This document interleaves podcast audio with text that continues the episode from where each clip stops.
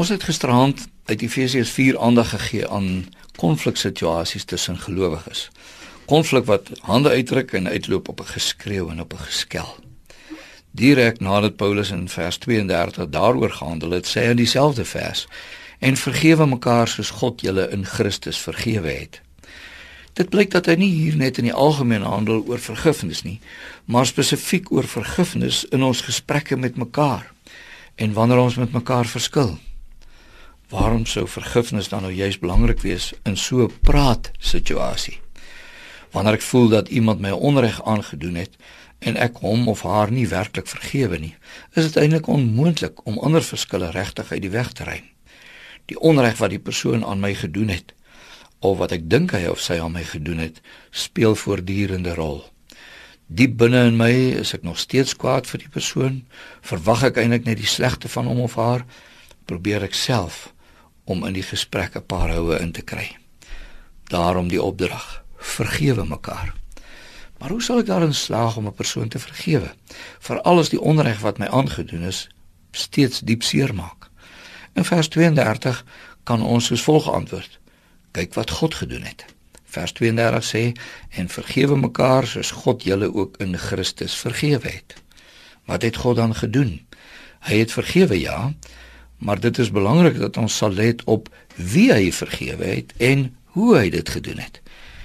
Wie is die hele wat God vergewe het?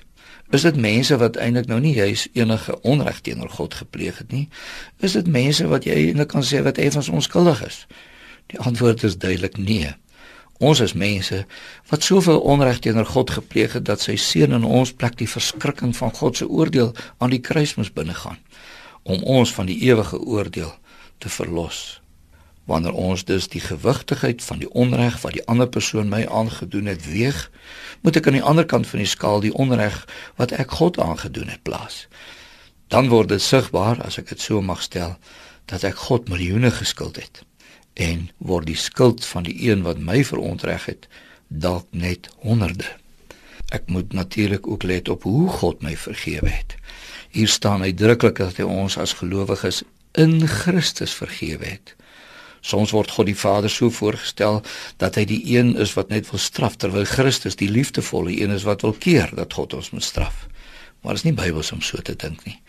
Nie een van ons kan ons indink in die volmaakte liefde tussen God die Vader en God die Seun nie.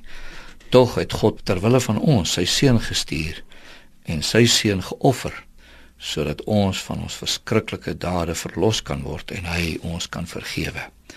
Dis gelowige.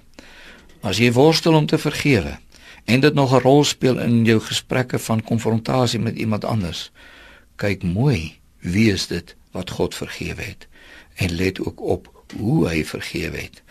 Dan sal jy met die krag van die Gees ook ander kan vergewe.